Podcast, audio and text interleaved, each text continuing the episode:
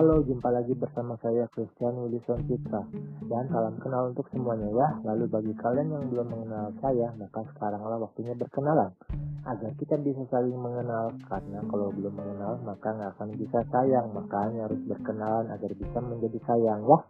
Oke, di podcast saya kali ini saya akan membahas mengenai makro prudensial dengan subtema digitalisasi permudah akses keuangan. Apa itu makro prudensial? Jawabannya adalah kebijakan yang dikeluarkan oleh Bank Indonesia di dalam rangka meningkatkan ketahanan sistem keuangan dengan cara menjaga kondisi keuangan dan juga perekonomiannya agar tetap sistemik bagi negara kita ini karena dampak buruk dari COVID-19. Lalu, kebijakan ini juga sudah bekerja sama dengan Kementerian Keuangan, OJK, Lembaga Penjamin Simpanan, dan KSSK dengan kepanjangannya yaitu Komite Stabilitas Sistem Keuangan Nah, info ini saya dapatkan dari webinar yang saya lihat di channel YouTube bernama Makro Prudensial Aman Terjaga. Jadi, agar kalian makin paham apa itu makro prudensial, kalian bisa coba cari channelnya dan nonton videonya sekalian di subscribe, like, and comment juga di sana ya. Jangan lupa sekalian pasang loncengnya. Jadi jika ada info terbaru maka kalianlah yang pertama akan mengetahuinya. Lalu kenapa kita harus peduli pada stabilitas sistem keuangan dan pentingnya makro prudensial bagi sistem keuangan untuk digitalisasinya di dalam mempermudah akses keuangan? Jawabannya menurut pendapat pribadi saya adalah karena eranya sudah berubah 100% dan semua hal ini dapat terjadi dan terwujud berkat bantuan virus COVID-19. Dan kalian semua pasti sudah tahu dong apa itu COVID-19 dan hal apa saja yang wajib kita lakukan di masa pandemi COVID-19 seperti saat ini.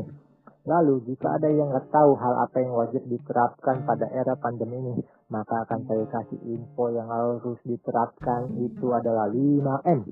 Dan apa 5M itu? Bisa kalian ketik dan cari sendiri di Google ya. Kalian tulis aja 5M protokol kesehatan, maka pasti keluar infonya. Oke, lanjut ke topik. Saat ini dunia maupun negeri kita sudah berkembang dan mengikuti era digitalisasi dikarenakan protokol 5M yang membawa era digital seperti saat ini sehingga Bank Indonesia pun mengeluarkan sebuah kebijakan ekonomi yang bernama makro prudensial untuk mengembalikan kondisi keuangan negara dan juga pertumbuhan perekonomiannya agar negeri kita bisa menjadi tumbuh dan berkembang kembali di era pandemi ini. Walaupun memang saat ini sesungguhnya perekonomian sudah secara perlahan mengalami pemulihan, akan tetapi dibutuhkan juga sebuah upaya percepatan juga dalam masa pertumbuhannya. Maka dari itu diperlukanlah sebuah sistem digitalisasi yang dalam prosesnya dapat mempermudah masyarakat untuk mengakses keuangan baik untuk sistem pembayaran jual beli barang ataupun jasa agar bisa lebih cepat dan praktis di dalam penyalurannya. Lalu jika tidak salah saat ini sudah memasuki eranya fintech atau financial technology yang mana saat ini sudah didukung oleh Bank Indonesia juga karena kebijakan makroprudensialnya yang mengarah pada bidang digitalisasi sehingga sekarang ini kita tidak harus menggunakan uang fisik lagi dalam melakukan transaksi yang di mana uang fisik yang berbentuk logam dan kertas tersebut bisa menjadi salah satu sarana atau tempat bersalangnya virus COVID-19. Dan juga, menurut artikel online yang saya baca di website republika.co.id, di situ tertulis, menurut Ketua DPR, Bambang Susatyo, jika negara mengulangi jumlah produksi uang fisik, maka akan menghemat pengeluaran finansial negara dalam bahan baku untuk pembuatan uang fisik. Karena bahan baku dan sistem pembuatan uang fisik itu dibeli dari luar negeri sehingga memakan biaya yang cukup besar untuk keuangan negara kita. Jadi bisa kita bayangkan sendiri kan ya, bahwa negara bisa menghemat anggaran pengeluarannya cukup besar tiap tahunnya jika sistem digitalisasi ini sudah maksimal dan sudah 100% diterapkan secara menyeluruh dari Sabang sampai Merauke. Lalu ada salah satu alat utama juga yang diluncurkan oleh Bank Indonesia yang bernama QRIS atau Quick Response Code Indonesian Standard. QRIS itu adalah suatu alat standarisasi pembayaran menggunakan metode QR Code dari Bank Indonesia agar proses transaksinya dengan QR Code menjadi lebih mudah, cepat, dan terjaga keamanannya. Itulah yang disebut dengan QRIS. Oh iya, bagi para pengusaha UMKM seperti saya saat ini, saya mempunyai saran untuk kalian semua agar kalian secepatnya juga membuat QRIS. Karena QRIS adalah salah satu kunci utama dalam transaksi antar perbankan dengan biaya administrasi paling kecil dalam sejarah transaksi perpindahan uang antar bank maupun antar perusahaan fintech. Sebab pusat QRIS adalah Bank Indonesia dan cara memperoleh QRIS itu bisa lewat bank mana pun dan lewat lembaga fintech mana pun yang menyediakan jasa pembuatan QRIS. Lalu, pastikan kalian pada saat membuat QRIS itu harus memilih terlebih dahulu mau di mana membuatnya. Karena QRIS mau di mana pun dibuatnya, semua data pusatnya akan ada di Bank Indonesia. Makanya segala transaksi uang digital akan terkoneksi pada satu pusat saja dan biaya administrasinya juga kecil dan semakin kecil saja sejak diluncurkannya kebijakan makro prudensial. Biaya administrasi yang sudah kecil malah makin kecil lagi.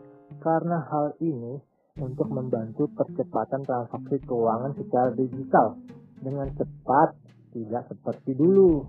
Transfer ke bank A dengan ATM atau kartu kredit milik Bank B akan kena biaya administrasi yang cukup besar. Dan juga harus memasukkan kode bank jika memakai mesin ATM dalam melakukan transfer uang dengan beda bank. Jadi, kalian bisa dong merasakan salah satu manfaat dari kebijakan makro prudensial yang dikeluarkan oleh Bank Indonesia saat ini di dalam rangka untuk menstabilkan dan mempercepat pertumbuhan ekonomi di negara kita ini loh. Oh iya, saya hampir lupa.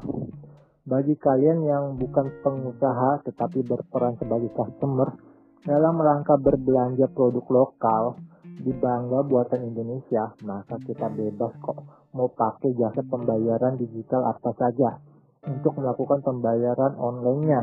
Tapi ingat, cari-cari promonya ya biar makin hemat juga pas melakukan pembayarannya. Toh, ini salah satu manfaat dan kebijakan makro prudensial dalam rangka digitalisasi permudah akses keuangan saat ini.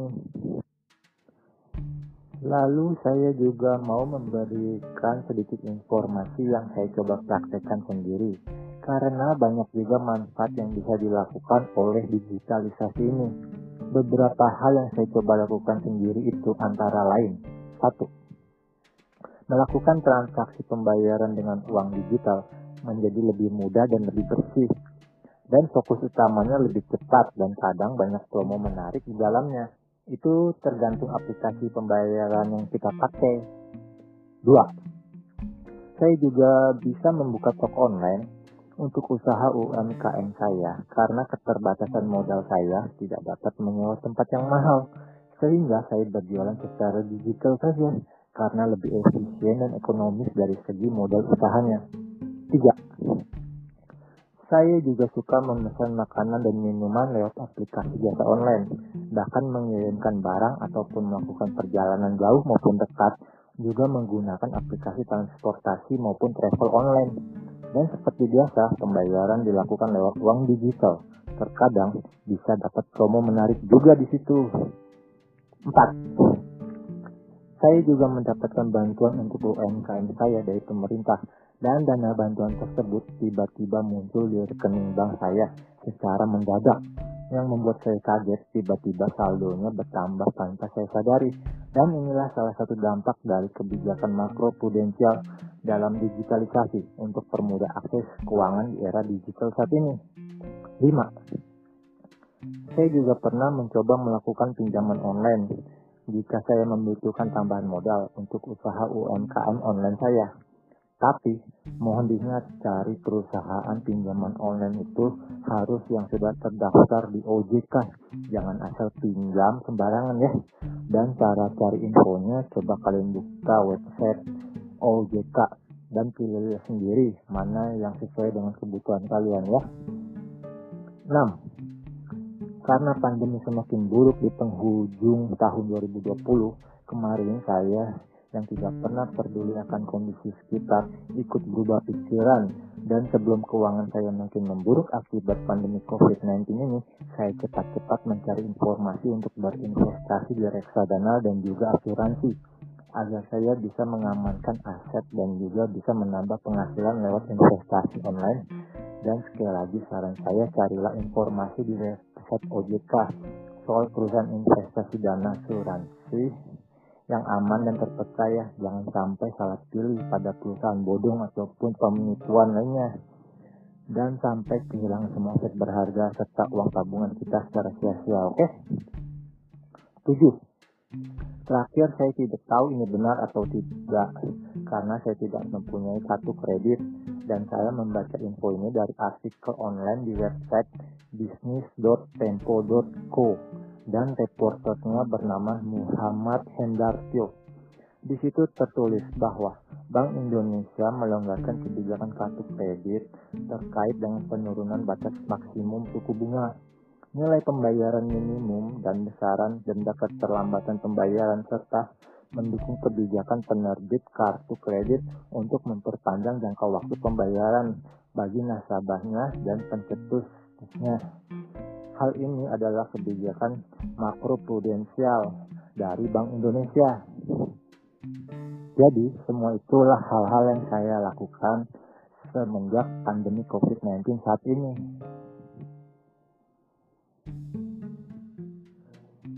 Bisa kalian bayangkan sendiri bukan?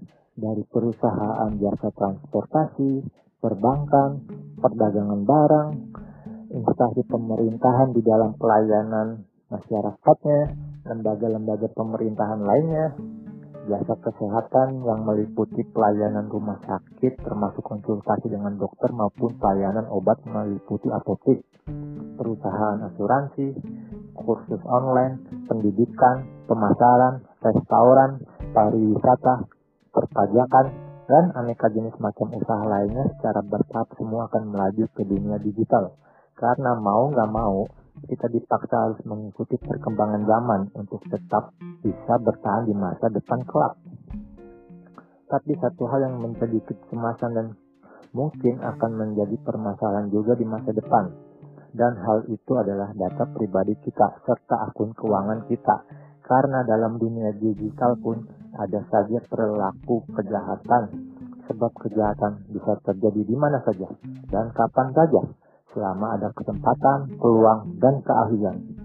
Tetapi kita juga tidak perlu terlalu khawatir selama kita menjaga data pribadi dan sering mengganti password untuk menjaga keamanannya, serta selalu waspada dan bersiaga selalu, maka semua pasti akan baik-baik saja. Selebihnya bisa kita serahkan semua kepada lembaga keamanan cyber seperti BSSN, yaitu Badan Cyber dan Sandi Negara. Lalu ada Kominfo, yaitu Kementerian Komunikasi dan Informatika.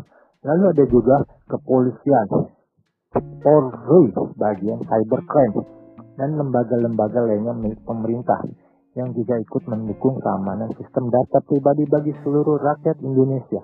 Yang di mana ada pepatah mengatakan di mana ada kejahatan di situ juga ada kebenaran walau penjahat hebat tetapi akan juga ada pahlawan yang hebat untuk menjaga dan mendampingi kita selalu sebab kebenaran tidak akan pernah kalah oleh kejahatan percayalah percayalah dan percayalah karena Tuhan selalu menjaga kita di mana pun dan kapan pun ingatlah itu saudara-saudariku semuanya jadi Buat apa takut untuk melaju ke dunia digital?